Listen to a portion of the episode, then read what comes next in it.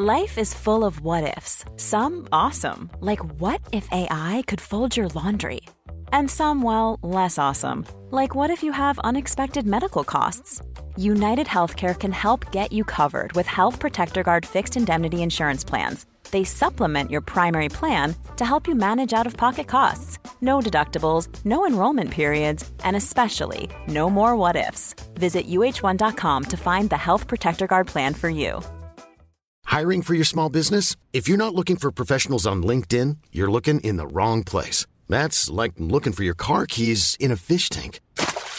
LinkedIn helps you hire professionals you can't find anywhere else, even those who aren't actively searching for a new job but might be open to the perfect role. In a given month, over 70% of LinkedIn users don't even visit other leading job sites. So start looking in the right place. With LinkedIn, you can hire professionals like a professional. Post your free job on linkedin.com slash people today.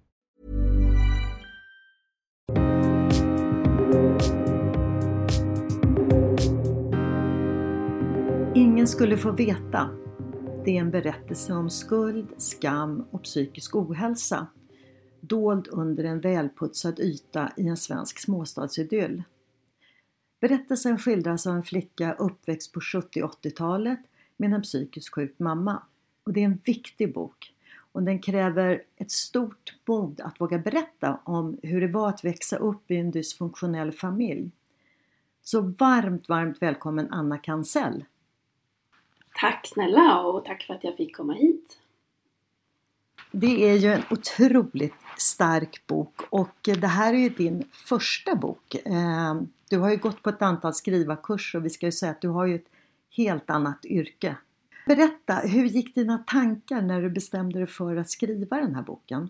Jag började som sagt på skrivarkurser för tio år sedan och ett par månader in i första kursen så fick vi en övning där vi skulle beskriva en helt vanlig dag när något oväntat inträffade.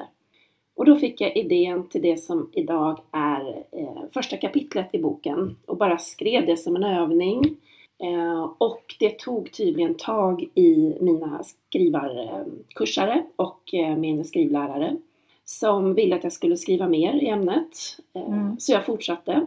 Och eh, läraren sa sen att Anna, det här skulle kunna bli en bok som skulle kunna hjälpa många. Och det var första fröet till att jag eh, skrev den här boken. Och jag tänker, hur många år sedan är det här? För det måste ju varit en ganska lång process innan du bestämde dig för att skriva.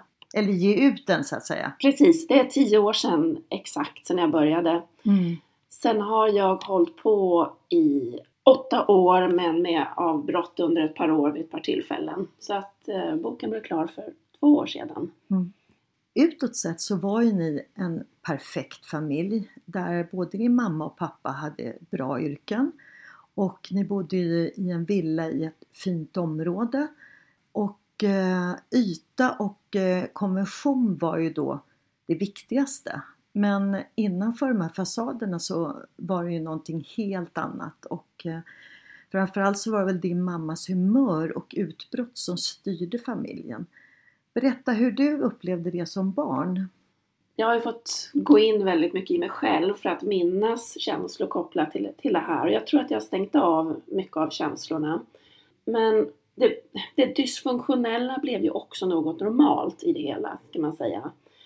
Att så var min uppväxt, så var våran tillvaro. Att eh, lugna perioder varvade med utbrott eller depressioner och så vidare. Det blev ju också någon slags eh, hela tiden undertryckt rädsla eller oro för mm. att eh, nästa utbrott eller nästa självmordsförsök skulle ske. Det var så väldigt skrämmande när hon fick de här utbrotten när jag var liten, det minns jag. Eftersom hon blev en annan. Och eh, ju äldre jag blev desto mer avsky kunde jag känna för det och blev lite kall gentemot min mamma. Jag kan tänka att det blev det är klart, för då hade du ju mer och mer kompisar. När man är väldigt, väldigt liten så är det kanske mest häng med familjen. Men sen när du börjar skolan och kommer upp i högstadiet så, så blir ju skillnaden väldigt stor eh, mot hur andra har det i sina familjer kanske. Ja, det stämmer. Och åtminstone tror man ju det. Man tror ju att man är ensammast i hela världen, att det är bara vi som har det så här. Och där någonstans kommer ju skammen in, att det är så pinsamt. Och att ingen faktiskt får, får reda på hur, eh, eller vad som sker inom våra väggar. Nej. Man vill ju, när man växer upp, man är barn och tonåring, man vill ju vara precis som alla andra. Man vill inte sticka ut för mycket. Nej men såklart. Det är pinsamt. Och det är klart att något sånt här, Mm. det får ju bara inte komma ut. Och eh, därav titeln Ingen skulle få veta. Nej, det är en skuld och skam och också i kombination med att den här oron då. Hur är det hemma och vad händer? När, är det någon som säger något fel eller reagerar på något sätt som din mamma? Alltså som kunde kanske orsaka då ett utbrott. Din mamma åkte ju in och ut på en psykiatrisk avdelning och eh, i boken så finns ju också utdrag från patientjournalen och du har också lagt in dina egna eh, dagboksanteckningar. Och med hjälp av det här då så kan du ju då skildra familjens liv innanför husets väggar så att säga och utifrån en liten flickas perspektiv. Och det tycker jag är också ett mod och det samtidigt tillför ju väldigt mycket med de här patientjournalerna och dina egna dagboksanteckningar. Så hur hur var dina tankar när du bestämde dig för att lägga in de här? Jo, ju mer jag skrev, desto mer insåg jag att jag inte hade hela bilden eller att jag saknade information. Hur var det vid det här tillfället? Jag kommer ihåg hur det började eller hur det slutade. Men hur var det runt omkring och varför åkte mamma in på psyket just den gången? Eh, sen hittade jag mina dagböcker, för jag har skrivit en hel del dagbok under min uppväxt. Och det var en guldgruva. Och det kunde hjälpa mig att minnas. Eh, så jag började lägga in någon enstaka dagboksanteckning och fick som positiv respons från min, eh, mina skrivarkompisar, eller kurskompisar. För då fick ju barnet en röst. Mm. Där har man ju barnets språk. Så då eh, fortsatte jag att lägga in dagboksanteckningar och, och ganska sent i processen så kom jag på, men vänta, det måste ju finnas journaler. Så jag rekvirerade dem från eh, den klinik där hon hade varit inlagd och läste först eh, med intresse för att jag själv skulle få, få mer information men insåg sen att det här kan också vara bra att lägga in. För det verifierar ju mina upplevelser och ska säga, styrker dem och ger en annan dimension av det hela, ett annat perspektiv. Jag har absolut inte lagt in alla anteckningar utan jag har tagit Nej. små eh, stycken. Men det räcker ju också, alltså, för det ger ju ändå en väldigt stark bild. Och det som blir intressant också tycker jag, det är ju vad din mamma säger till läkaren och vad du själv skriver i din, hur du upplever det i dina dagboksanteckningar. Ja, precis. Det blir en nyans- nyanserad bild Exakt. som man får. Det som jag reagerar också väldigt starkt på det är ju att det var ju ingen inom sjukvården som erbjöd er någon hjälp. Alltså, eller någon, jag tänker på läkaren som behandlade din mamma, eller det kanske var flera läkare, att det inte var någon som tog kontakt med er i familjen.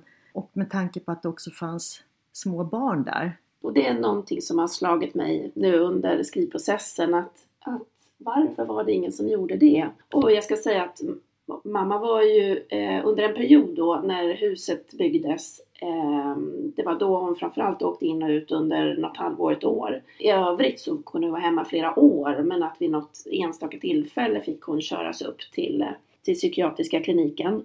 Men oavsett de gånger det hände och speciellt när vi var små så är det jättemärkligt tycker jag att ingen följde upp Mm. att här finns det en, som de skriver, en familj i reell kris. Kan då tänkas behövas terapi här, har, har någon läkare noterat. Och då tänker jag, varför tog de inte och följde upp det Mm. sen och såg till att vi fick eh, gå i terapi hela familjen och att man hade ögonen på oss. Ja, för det är det som är så konstigt att det blir bara ett konstaterande men sen gör man ingenting åt det. Och jag tänker också i skolan, du fick ju inte något stöd där heller. Nej, Ifrån lärare så tänker jag. Nej. nej, För de måste väl ändå också ha sett eller märkt någonting. jag är inte säker på Kan det. För man blir väldigt lojal och, och medberoende. ja. Ja. och jättebra på att dölja. Och jag blev också en Mm. person som tittade in i kameran och log. Och jag var, eh, jag var ju glad och positiv och optimistiskt barn. Eller jag är ju det. Från födseln. Men jag tror att det blev extra bra på att skratta bort när det var problem och bara mm. visa upp en, en bra fasad. Så att jag märker ju nu när jag har skrivit den här boken att det är faktiskt tidigare lärare, tidigare eller kompisars föräldrar och så vidare som läser den och är helt chockade. De hade ingen aning om vad som för sig gick hemma hos oss. Ja, det är otroligt. Och jag tänkte, för det är ju i början av boken så umgås ju du mycket med ett par flickor, ett par syskon är det väl? Ja. Som inte bor så långt ifrån det och där var ju du ändå rätt mycket. Även om du hade ju tider där du måste vara hemma och du var ju alltså väldigt lydig då för att det inte skulle bli något utbrott. Men de märkte ingenting heller. Nej. Alltså, inte Nej. ens föräldrar. Vi är fortfarande väldigt goda vänner. Jag har väldigt nära kontakt med dem. De är ju lite som en extra familj. Ja. Och de sa just det också att de hade ingen aning. De hade väl efter ett tag förstått att mamma hade lite trassel med nerverna. Ja. Men det var ju också någon slags samlingsbegrepp på den ja. tiden. Svaga nerver eller trassliga nerver. Och så kapslades det in i det, den beteckningen, beteckningen och, och sen så, så var det inget mer med det. Jag tänker, din mamma jobbade ju inom sjukvården för hon var ju under en period på en förlossningsavdelning. Var ju. Ja. Alltså när man jobbar inom sjukvården så tänker jag att där borde hon väl ha sett att det var någonting ibland som kanske eller var din mamma så duktig på att dölja? Men de måste ju också ha vetat att hon blev intagen ibland på psyket. Ja. Jag tänker för hjälp. Eller att man liksom funderar hur, hur, är det, hur går det för familjen och det finns små barn och sådär. Rimligen så måste någon ha känt till eller anat för hon blev ju också sjukskriven för depressioner. Men återigen, hon var också väldigt bra på att sätta upp en fasad och yta Eh, så jag tror att misstänkte man någonting eller hörde någonting om depression så kanske man inte ville lägga sig i. Eh, för det är en ganska naturlig och vanlig reaktion. Mm. Men det fanns i alla fall två fantastiska personer som ändå eh, som fanns närvarande, som hjälpte till när det blev väldigt besvärligt. Det var ju dels din mormor och även din moster. Ja, det är jag väldigt glad och tacksam för att jag hade dem i mitt liv. Ja. Och det måste ju ha känts tungt för din mormor också eftersom det var hennes dotter då som mådde så pass dåligt. Att man ibland kanske kan känna sig ja, men lite hjälplös, man vet inte riktigt hur man ska göra och så är det mina älskade barnbarn som drabbas av det, hennes problem. Ja, så var det säkert. Eh, min mormor var en väldigt stark person och väldigt eh, så pragmatisk och, och praktisk. Hon var hemma hos oss väldigt mycket och allt ifrån tröstade och, eh, när mamma var ledsen och hade utbrott till att hon var som en extra mamma och fanns till hands och lagade mat, strök, manglade, rensade ogräs eh, och bara fanns till hands. Eh, och det var ju ett mm. sätt att visa kärlek också och finnas där för oss. Det är också din pappa, eh, det, att han orkade ändå att hålla den här fasaden också som han gjorde. If you thought the only way to get a more defined jawline with natural looking results was through surgery, think again. Juvederm Volux XC is a non surgical injectable gel filler that improves moderate to severe loss of jawline definition and can help you achieve natural looking results with little downtime. Even better, this improved definition lasts up to one year with optimal treatment. No maintenance required. Improve jawline definition for a smooth, sculpted look with Juvederm Volux XC. For important safety information and to find a licensed specialist, visit juvederm.com. That's J U V E D E R M.com. Not for people with severe allergic reactions, allergies to lidocaine, or the proteins used in Juvederm. Common side effects include injection site redness, swelling, pain, tenderness, firmness, lumps, bumps, bruising, discoloration, or itching. There's a risk of unintentional injection into a blood vessel, which can cause vision abnormalities, blindness, stroke, temporary scabs, or scarring. Talk to a licensed specialist specialist to find out if it's right for you. Ryan Reynolds here from Mint Mobile. With the price of just about everything going up during inflation, we thought we'd bring our prices down. So to help us, we brought in a reverse auctioneer, which is apparently a thing. Mint Mobile unlimited premium wireless. Ready to get 30, 30, bit to get 30, bit to get 20, 20, 20, bit to get 20, 20, bit to get 15, 15, 15, 15 just 15 bucks a month. So, Give it a try at mintmobile.com/switch. slash $45 up front for 3 months plus taxes and fees. Promo for new customers for limited time. Unlimited more than 40 gigabytes per month slows. Full terms at mintmobile.com. Ready to pop the question? The jewelers at bluenile.com have got sparkle down to a science with beautiful lab-grown diamonds worthy of your most brilliant moments. Their lab grown diamonds are independently graded and guaranteed identical to natural diamonds, and they're ready to ship to your door. Go to Bluenile.com and use promo code LISTEN to get $50 off your purchase of $500 or more. That's code LISTEN at Bluenile.com for $50 off. Bluenile.com code LISTEN. Det är nästan ofattbart hur han orkade. Eh, för han arbetade ju en hel del som sagt. Men jag upplevde honom alltid som en närvarande pappa i alla fall. Och en, ett otroligt eh, starkt stöd och eh, fin förälder. Så att hade det inte varit för honom så hade ju utgången blivit en annan tror jag. Eh, gällande min uppväxt och hur jag mår idag. Men det beskriver du tycker jag väldigt fint i boken också. Man får ju att det finns en väldigt stor värme och att han verkligen gör allt. Fick hon aldrig några utbrott utanför familjen? Var det bara inom hemmets väggar? Jag vet att hon någon gång eh, blev osams med ett av sina syskon. Så, men jag tror inte att det och det var ganska högljutt, men det, det, var inte den här typen av utbrott vad jag vill minnas. Och jag, det är samma sak där, det, det skedde hemma mm. för att man, man, skulle dölja det. Så att hon hade en, en uh, verkligen en förmåga att, att uppträda civiliserat och som den här lugna, timida, behagliga person som hon var när andra såg. Ja, när man är ett litet barn, att se så två olika bilder av sin mamma måste ju också kännas jättekonstigt. Ja, för man kan aldrig riktigt lita på personen eller man blir också väldigt orolig för att den här andra personen ska träda fram eller, eller ja, mm. när det blir ett utbrott. Det skapar någon, någon osäkerhet och rädsla hos alla barn som har en förälder som eh, av olika skäl förändras. Precis, för att det här med att växa upp i dysfunktionella familjer det är ju betydligt vanligare än vad man tror och eh, det är väl därför också det är så viktigt när eh, det finns andra som vågar berätta och då inser man att man är ju faktiskt inte ensam för att det kan ju vara psykisk sjukdom eller det kan vara alkohol, det, det finns ju andra saker men just att växa upp i en dysfunktionell familj är ju faktiskt vanligare än vad man tror. Precis, och det har jag inte minst fått kvitto på nu sedan jag gav ut den här boken, att jag får mycket respons. Att de känner igen sig, oavsett om det var en mamma eller en pappa eller om det var psykisk ohälsa eller alkoholism Eh, mm. eller liknande. Din mamma försökte ju också avsluta sitt liv några gånger eh, och det finns, tycker jag, en väldigt stark skildring i boken ganska tidigt när din mamma, eller du ser att din mamma eh, hänger i ett hopprep som hon har satt fast i er gunga och jag tänker hur reagerar man som barn eh, när man ser det här och det måste ju vara jättesvårt att förstå. Vad är det som händer? Det är otroligt skrämmande givetvis. Eh, när man tittar ut mot en mörk baksida helt plötsligt så ser man sin mammas bleka ansikte och rostfärgade kappa hänga, hänga i ett mm. rep. Eh, mm. Det är väldigt kusligt och ja, det är svårt att hitta en exakt beskrivning för det men då var jag så pass gammal så att då hade jag också kommit in i det här stadiet av att jag kände avsky för när hon gjorde så här. Jag kunde absolut inte förstå det så att jag, det blev någon form av distans. Istället för att tycka synd om henne så blev jag, tyckte att det var avskyvärt hur han höll på. Det var ju under en period när du var, man nu ska säga strulig, men det var ju en protest emot allting kan jag tänka. Men då gick väl du i åttan eller någonting sånt där va? Ja, det stämmer. Framförallt under höstterminen i åttan. Jag gjorde revolt mot min stränga uppfostran och eh, allt som jag inte fick göra. Ungefär, mm. det gjorde mm. jag.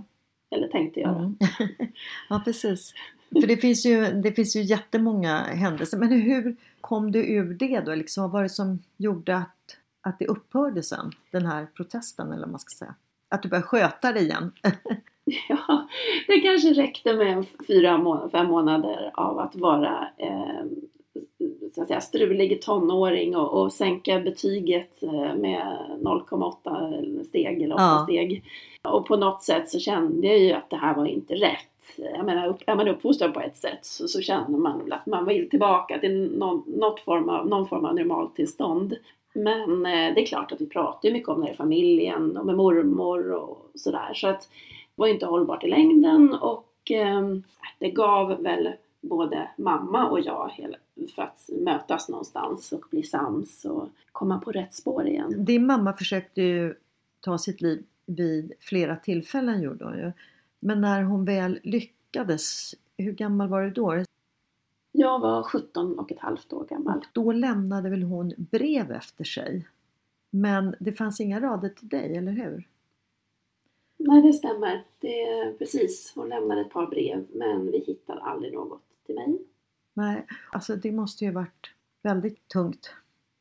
Jag minns inga väldigt jobbiga känslor. Man, man kan ju tänka sig att, att det hade varit fruktansvärt och att jag aldrig skulle kunna komma över det. Men vet du, jag fick ett farväl av henne den där sista morgonen innan hon gick hemifrån. Innan jag gick hemifrån till skolan Aha. och några timmar innan hon gick hemifrån för att ta sitt liv. Och jag tror att det på något sätt överskuggar det faktum att jag inte fick ett, brev utan jag fick ett farväl och det var otroligt fint och innerligt. Mm. Och jag väljer att fokusera på det och ta med Mm. mig det positiva mitt i allt det där sorgliga. Med tanke på ändå att det var ju väldigt många år som du levde med den här osäkerheten från ja, din tidiga barndom upp till- 17 och ett halvt år. Har du gått i terapi efter det? Jag gick eh, i terapi kanske något år efter mammas självmord. Tio gånger vill jag minnas att det var. Och jag gick också igen i 25-årsåldern. Och samma där, bara tio gånger. Men sen har jag haft väldigt fina vänner och strax efter eh, att mamma dog och hade jag också en pojkvän under några år som var väldigt fin och stöttande. Så att eh, jag har fått prata av mig eh, och bearbeta ordentligt. Mm. Ja, det är ju en enorm styrka tycker jag att, eh, att du har klarat det så här bra. Jag tänker också, hur har det påverkat dig som förälder nu? För du har ju två egna barn, idag vuxna, men, men hur har det påverkat dig som förälder?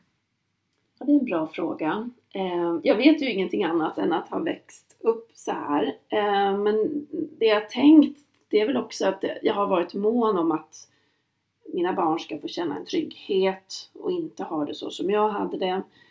Eh, Och såklart, jag, jag har inte alls mammas svaga nerver så att det, det kommer ju naturligt såklart att det inte är något sånt inblandat. Men jag är väldigt mån om att de ska må bra och har varit det hela tiden. Eh, ibland slår man kanske nästan knut på sig själv för att, för att göra det. men det är kanske flera som känner igen sig i det. Det kanske de ska svara på. Men eh, jag hoppas att jag har varit en eh, bra mamma. Det är jag helt övertygad om. Tack. Och, sen ska vi också säga att det fanns ju väldigt mycket bra hos min mamma. Hon var lugn och pedagogisk. Hon har ju lärt mig mycket saker, alltifrån det här med ja, god kvalitet, estetik, eh, inredning, att sköta ett hem. Så att det har jag ju såklart eh, tagit med mig in i mitt vuxenliv och mitt eh, föräldraliv så att säga. Din mamma var ju perfektionist. Alltså hon var ju, det skulle vara väldigt, vad jag förstod, väldigt, väldigt fint och ordning och reda och, och sådär. Så att det, och det är klart att det inte bara var dåligt, det förstår jag också, utan att hon hade, när hon mådde bra så var hon ju säkert väldigt bra mamma.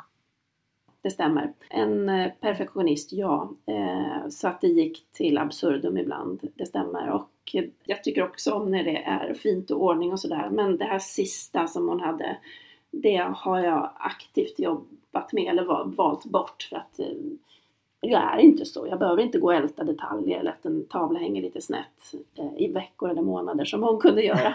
Nej, för det, det var ju intressant som du skrev när ni eh, byggde det här nya huset då att, och det blev inte riktigt vissa delar då som inte hon eller, tyckte var perfekt då. Men att hon hade svårt att släppa det utan hon ältade ju det här väldigt länge när någonting gick fel. Eller som hon tyckte gick fel då. att bygga hus är ju jobbigt, eh, det vittnar nog många om. Mm, hon var väldigt ambitiös, det var ett stort hus, hon ville att allt skulle vara perfekt. Och när man bygger ett hus så blir inte allt perfekt. Det blir, det blir lite fel ibland och det måste göras om och det blir förseningar. Ja. Hennes labila psyke klarade inte den påfrestningen. Så att strax efter inflytt i huset så kraschade hon ju. Och resten av det året så var det ju fram och tillbaka in på psyket eh, för hennes del. Mm. Eh, Och självmordsförsök och eh, rehabilitering och fick träna på att vara hemma, komma hem några timmar per dag efter några månader, vila upp sig på annan ort och så vidare.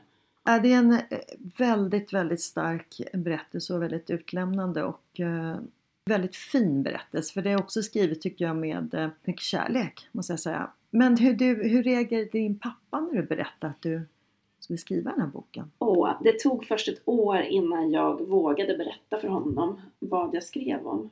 Han är själv en skrivande person eh, och han tyckte det var roligt att jag gick skrivarkurser. Men eh, när jag berättade det här så var det, var det såklart läskigt. Jag fick en otroligt fin reaktion. Ett lätt leende spred sig över hans ansikte och så Mm. sa han, jag är glad att du skriver om det här.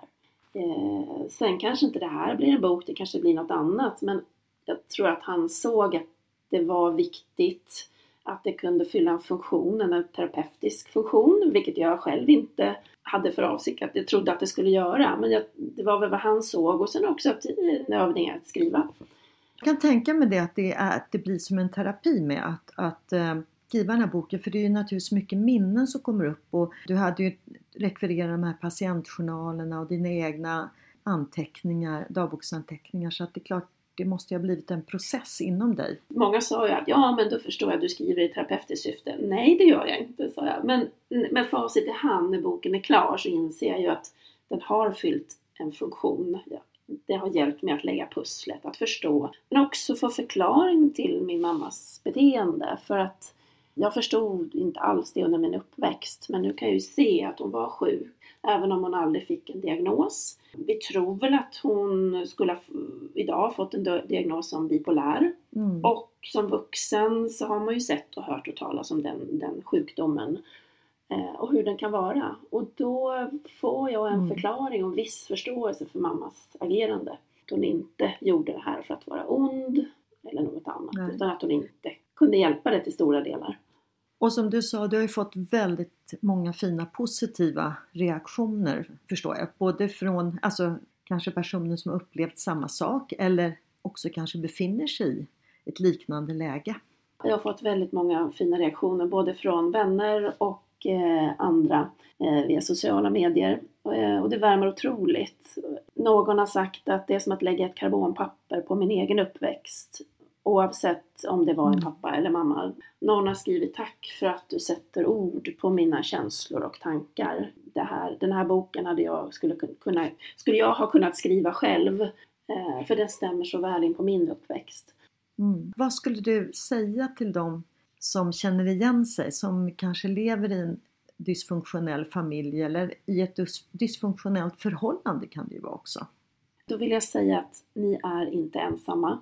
Och ni ska inte skämmas eller känna skuld. Be om hjälp. Våga be om hjälp. För man klarar inte det här på egen hand.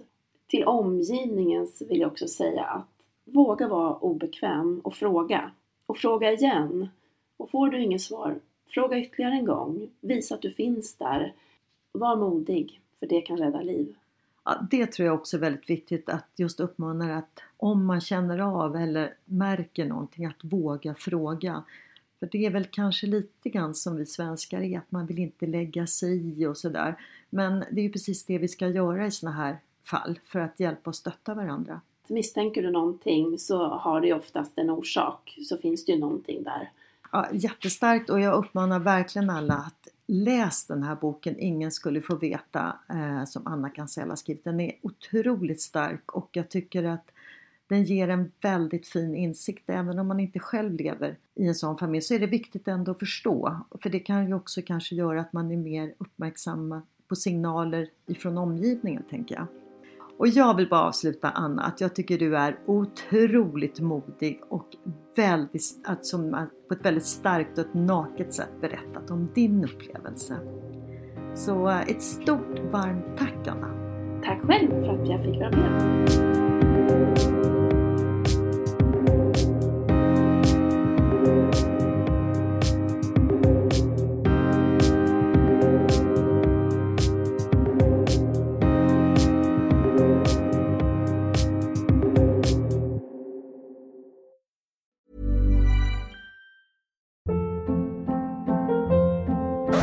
Hold up. What was that? Boring. No flavor. That was as bad as those leftovers you ate all week. Kiki Palmer here, and it's time to say hello to something fresh and guilt-free. Hello Fresh. Jazz up dinner with pecan-crusted chicken or garlic butter shrimp scampi. Now that's music to my mouth. Hello Fresh. Let's get this dinner party started. Discover all the delicious possibilities at hellofresh.com.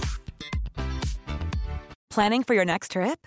Elevate your travel style with Quince. Quince has all the jet setting essentials you'll want for your next getaway, like European linen, premium luggage options, buttery soft Italian leather bags, and so much more. And is all priced at 50 to 80% less than similar brands.